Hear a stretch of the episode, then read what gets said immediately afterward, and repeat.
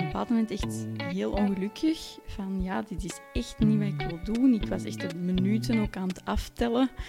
Uh, echt letterlijk de minuten overdag van wanneer maar kan ik hier naar huis. En ik dacht, ja, dat kan toch niet de bedoeling zijn. Maar dat is ook je eerste job, dus je kunt ook niet vergelijken van heeft iedereen dat, is dat normaal?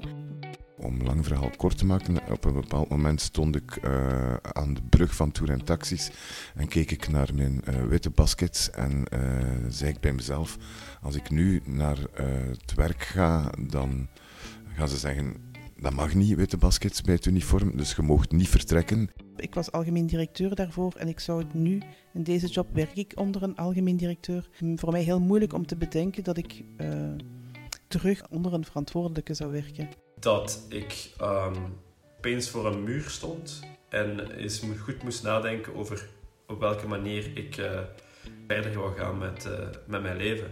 Dat is ook iets dat mij ook wel lang heeft tegengehouden, omdat ja, je, geeft, je hebt het gevoel dat je iets opgeeft. Maar aan de andere kant als je het niet doet, dan geeft u zelf op.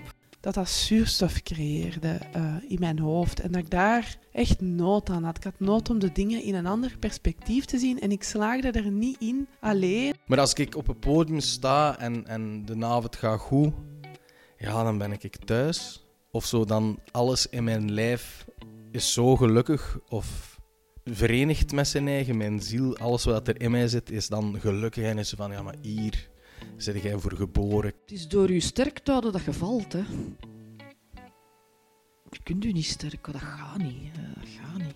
Op den duur valde gewoon. En um, het kwam er eigenlijk op neer dat ik op een of andere manier gepest geweest ben op het werk. Waardoor dat mijn zelfvertrouwen uh, en mijn zelfbeeld eigenlijk heel laag geworden was. En ik wilde die situatie ontvluchten. Maar ik zag geen uitweg eigenlijk. Ik trek precies al het negatieve aan. Het was zo een donker regenwolksken. Overal dat ik stapte, dat ging precies mee. En ik had daar niet door dat ik eigenlijk zelf een beetje verantwoordelijk was voor die regenwolk. Ik ben Caroline de Bal, loopbaancoach en ik wil een positieve bijdrage leveren aan jouw persoonlijke groei en geluk. In deze podcastreeks laat ik tien gasten aan het woord. Elke week komt iemand zijn verhaal vertellen over vastzitten in een job of over een burn-out.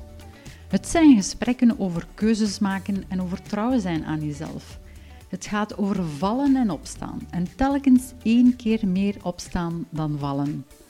Laat je inspireren door mensen die hun hart volgen en op die manier weer content en gelukkig zijn.